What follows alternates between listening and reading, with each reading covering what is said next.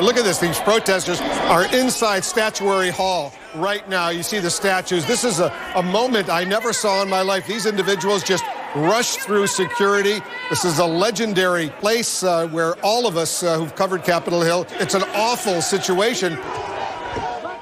Ja, u hoort het nu eerst. Uh, nog weer een ander onderwerp: de bestorming van het Capitool. Het is een keer eerder gebeurd. Niet door boze locals uit de hele natie, maar door een vijandelijke buitenlandse macht, oftewel de Engelsen. Geschokte senatoren verwezen afgelopen woensdag op CNN en andere nieuwszenders veelvuldig naar die traumatische gebeurtenis uit 1814. Nu werden de indringers aangevoerd door een zwaar getatoeëerde man in ontbloot bovenlijf met bontmuts en duivelhorentjes op zijn hoofd. Een lompere ontwijding van Amerika's heilige hart van de democratie was niet denkbaar. Ja, en wij vroegen ons af hoe komt het kapitool aan die gesanctioneerde status en heeft men in Amerika inderdaad het gevoel dat de afgelopen week de tempel van de democratie is ontwijd? En om die vragen te beantwoorden is hier aangeschoven Jaap Verhul. Hij is Amerikanist, hoogleraar transatlantische betrekkingen aan de Radboud Universiteit in Nijmegen. En dan zeg je, dan zit de juiste man op de juiste plaats. Jaap, welkom, goedemorgen. Uh, ons, bij veel mensen is, is uh, na die bestorming, ja, bij iedereen is van alles blijven hangen, maar bij veel mensen toch ook die man met uh, die bontmuts op zijn kop en duivelshoorntjes op die bontmuts. is, is dat ook in jouw beeld blijven hangen, in jouw hoofd, of heb jij een ander plaatje wat in je hoofd is blijven hangen? Nou, ik heb heel veel beelden en het, het grappige is dat het zo heel erg veelzijdig is. Aan de ene kant heb je al die carnavaleske figuren. En mensen die zich bijna als toeristen gebruiken, gedragen en dan op bankjes gaan zitten. Maar tegelijk is het natuurlijk wel een hele gewelddadige menigte geweest... van uh, echte rechtsextremisten en neonazies en holocaustontkenners. Dus ik denk dat je niet moet verkijken op die carnavaleske figuur. Dat is trouwens een werkloze acteur die dat voor zijn lol doet. Maar ook denk ik de realiteit van de bestorming moet zien. Het is toch een aanval van de uitvoerende macht op de wetgevende macht. Ja, we moeten ons, zeg je, niet laten misleiden door de onwaarschijnlijke uh, luimigheid, grappigheid, carnavaleske figuurtjes. Er zit een, iets ernstigs onder. Dit is echt heel serieus wat hier gebeurt. Goed, uh, is dat ook iets wat je al kon horen op die avond dat Joe Biden de oproep deed aan Trump van dat hier een, een plek werd ontwijd die voor Amerikanen en voor de democratie heel belangrijk is. Ja, dit is uh, in heel veel opzichten het centrum van de Amerikaanse natie. Uh, het is uh, sowieso het centrum van de democratie, omdat de, de Senaat en het Huis van Afgevaardigden er zitten. Maar het heeft ook een hele zware symbolische betekenis. En het feit dat juist vanuit het Witte Huis wat natuurlijk het centrum is van de uitvoerende macht, meute oprukt mm -hmm. naar naar het parlement uh, weegt in Amerika heel erg zwaar. En dat komt omdat de Amerikanen heel erg hechten aan de scheiding der machten. En aan het zuiver spelen van het democratische spel. Ze zien zichzelf ook als een voorbeeld voor de wereld... van hoe een democratie in elkaar moet zitten. En als dat dan door dit soort beelden in één keer... Ja van tafel wordt geveegd. Ja, dat is voor Amerikanen uh, heiligschennis. Ja, het is een enorm gebouw. Hè? Het is iets anders dan ons parlement. Dat... Het is een waanzinnig complex. Het is ook zo gebouwd om te imponeren. Het is, een, uh, het is echt gebouwd als tempel. Naar, uh, naar Europees voorbeeld, dat is natuurlijk wel leuk. Want toen die Founding Fathers bedachten dat ze een nieuwe hoofdstad wilden... hebben ze ook heel planmatig bedacht dat dat rond dat kapitool gebouwd zou moeten worden. En dat is daar neergezet omdat uh, George Washington, de eerste president, daar toevallig zijn, buiten, zijn, uh, zijn landgoed had, Mount Vernon. En ze dachten, nou, als we daar dan de hoofdstad bouwen... dan wordt dat land meer geld waard. En dan uh, heeft hij een goede pensioenvoorziening. En dat, mm -hmm. dat is ook allemaal zo geworden. En het, maar die stad ja? is dus gebouwd rond het kapitool. Ik denk dat dat het... Het kapitool was er eerst. Nou, dat was een hele grote moddervlakte, ja. Maar het kapitool en het Witte Huis zijn de eerste gebouwen die neer zijn gezet. Uh, echt in het midden van, van niks. Het is, uh, het is een, een moerasvlakte bij de rivier de Potomac. Ja, ik geloof zelfs dat er vrouwen van presidenten waren... die er niet wilden wonen in het, ja, begin, in het Witte Huis. Dolly Madison, die zei, nou ben jij helemaal gek. Uh, ik ga niet in zo'n, weet je wel, Finex-locatie ja, wonen. Maar, maar als je... Paul zei net al, het is enorm groot als je het vergelijkt met ons parlement. Wat, en je zegt, we noemen het een tempel. Wat, wat, wat zat er in de hoofden? Wat wilden ze maken? Wat, en waarom zo'n ontzaglijk ding? Nou, ze wilden concurreren met Europese beschavingen. Dat, dat woord uh, werd ook alsmaar gebruikt. De founding fathers en die eerste generatie was heel, waren heel erg uh, obsedeerd bijna door Rome en door Griekenland. Dus ze wilden iets bouwen dat zowel het moderne als het oude Europa kon evenaren. En het kapitool is eigenlijk een soort rare kruising tussen het Louvre en het Pantheon. Dat werd ook werkelijk zo gezien. In het midden was een koepel, eerst nog heel laag. En dat was gedacht als een pantheon. En dus inderdaad als tempel. Uh, en dan uh, een hele lange façade die op zijn Frans uh, was ingericht. En daar staat ervoor nog een heel raar Grieks tempeltje. Het is een ja, heel mal dus... gebouw. Maar het, het, zijn allemaal verwijzingen eigenlijk naar de oude beschavingen uit Europa. Ja, dus het is ook om te imponeren, maar ook om jezelf de opdracht te geven van wij zetten iets voort wat ooit begonnen is. De democratie zoals die ooit in Athene en zo begonnen is. Ja, en ze bestudeerden ook die oude modellen en ze wilden echt een model democratie bouwen. En dat gebouw moest dat uh, tot uitdrukking brengen. En ook de hele architectuur ervan. Met uh, aan weerszijden van, dat, van die rotonda, van die, van die tempel. Uh, mm -hmm. De twee huizen van het parlement. Dus het hele gebouw is. De architectuur weerspiegelt het ideaal van de democratie. Ja. Ja. Bij tempel denk je ook een religie. Had dat er ook nog iets mee te maken? Nou, seculier wel. het grappige is dat de Verenigde Staten het eerste land is dat uh, een strikte scheiding tussen kerk en staat uh, invoerde. Uh, dus dat staat in het eerste amendement. En heel veel van die founding fathers waren ook niet echt heel intensief gelovig. Die waren deist. Dus ja, een soort vaag geloof in dat er iets ja, is. Dat God één klapje op een ding heeft gegeven. Toen ja, ging de wereld dus, draaien. Het is ja. echt een seculiere republiek. Maar toch, ja, werden het, het de seculiere tempel. Ja, toch werden er al in het begin ook uh, uh, kerkdiensten gehouden... Ja, in, die, uh, in wat nu de, senaats, de oude senaatzaal is. En ja, dat is een soort gewoonte die ze er niet uh, uit Die zijn niet uitgegaan. Dus, dus, dus, niemand en dan, zag dat ook als een probleem toen. Dan staat dat gebouw er een jaar of tien. Wordt het oorlog tussen Engeland en uh, Amerika. Hoe dat allemaal precies zit, laten we nu even liggen. Maar in ieder geval, die Engelsen die, die gaan Amerika binnenvallen. En dan vallen ze ook Washington binnen. En dan wordt die hele uh, dan wordt, dan wordt het uh, hele, hoe heet het nou weer eens, we hebben het over het kapitool natuurlijk. Dan wordt het kapitool bijna verwoest, zoals ooit de Romeinen de tempel in Jeruzalem verwoesten.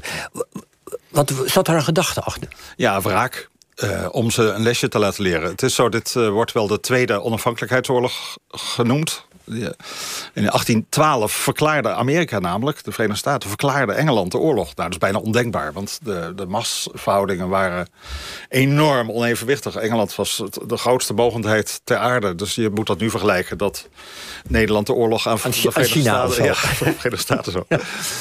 Maar... Uh, maar ze deed heel erg goed. Dat was het verrassende. Dus die Amerikaanse rebellen... die verklaarden niet alleen nog een keer de oorlog aan Engeland... maar slaagden er ook in om in, bijvoorbeeld in Canada... Uh, allerlei kleine uh, gebouwen in brand te steken. Nou, dat was één stap te ver. En als wraak daarvoor hebben de Britten echt besloten... om in Washington, dus in de hoofdstad, huis te houden. Ze hebben het Witte Huis in brand gestoken. De Library of Congress is meegebrand in de in het kapitool. En het was, ja, het was een actie om te laten zien wie de baas was. Juist. En je zegt een ander belangrijk moment in die geschiedenis van het kapitool is de Amerikaanse burgeroorlog. 1861, 1865. Wat gebeurt er dan met rond het kapitool? Wat, wat gebeurde er?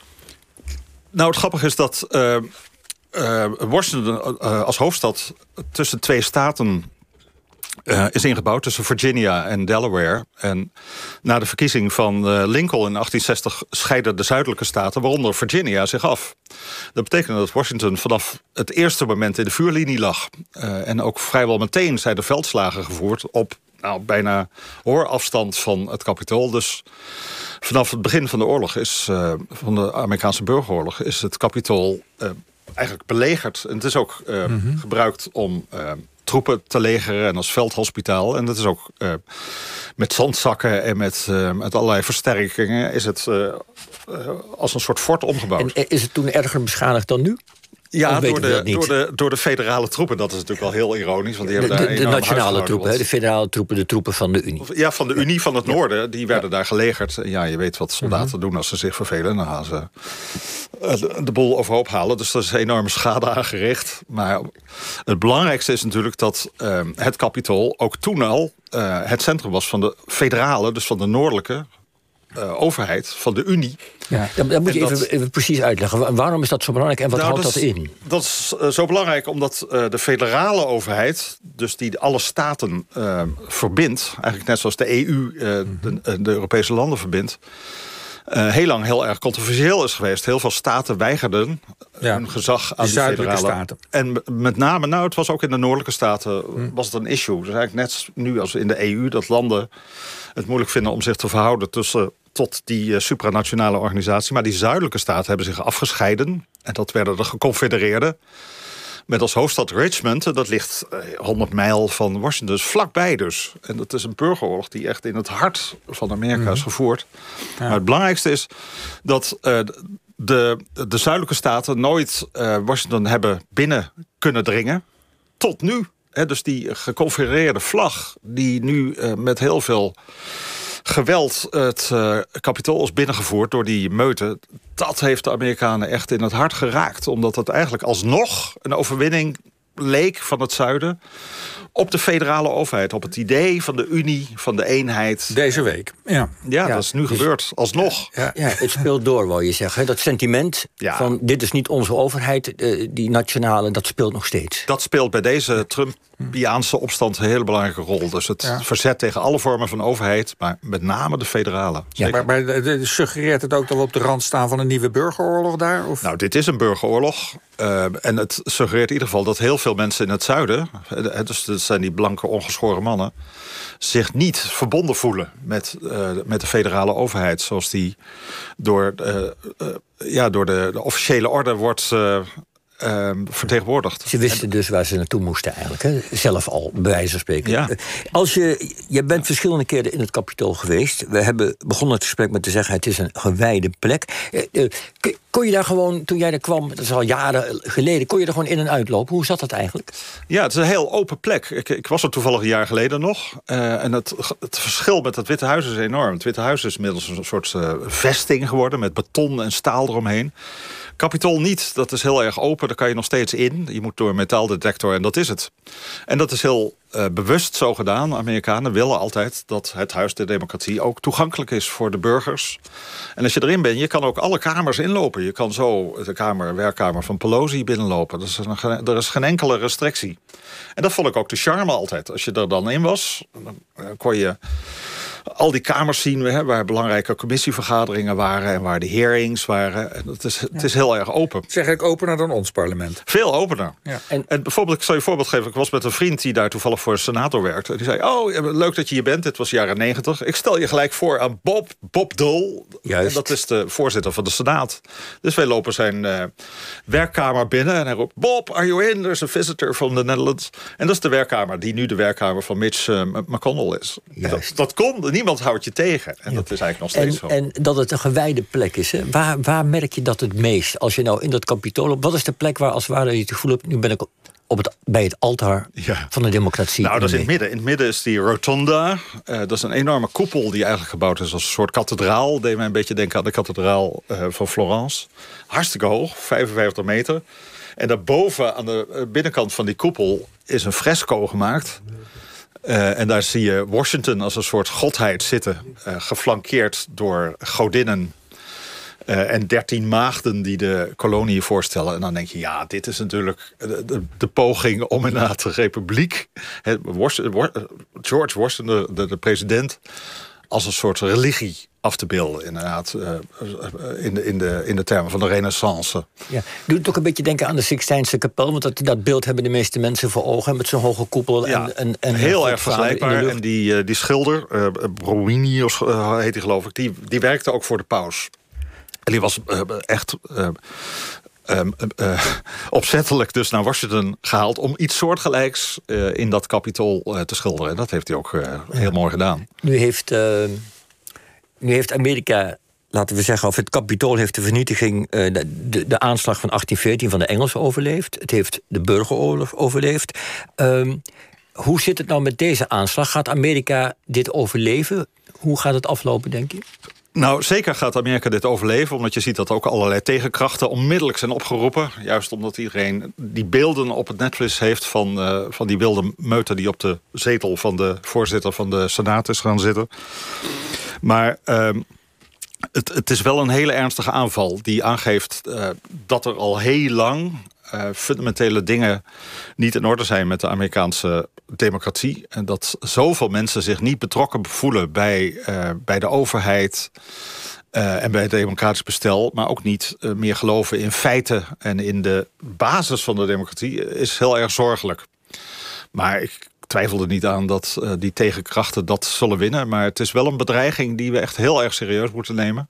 Niet alleen in Amerika, maar ik denk dat het ook voor de rest dus, van de wereld. Dus in die zin is, kunnen we ook zeggen... het is verschrikkelijk wat er gebeurde deze week... maar het is ook een wake-up call. Ja, absoluut. En het toont hoe kwetsbaar democratie is. Ja, veel, dankjewel. OVT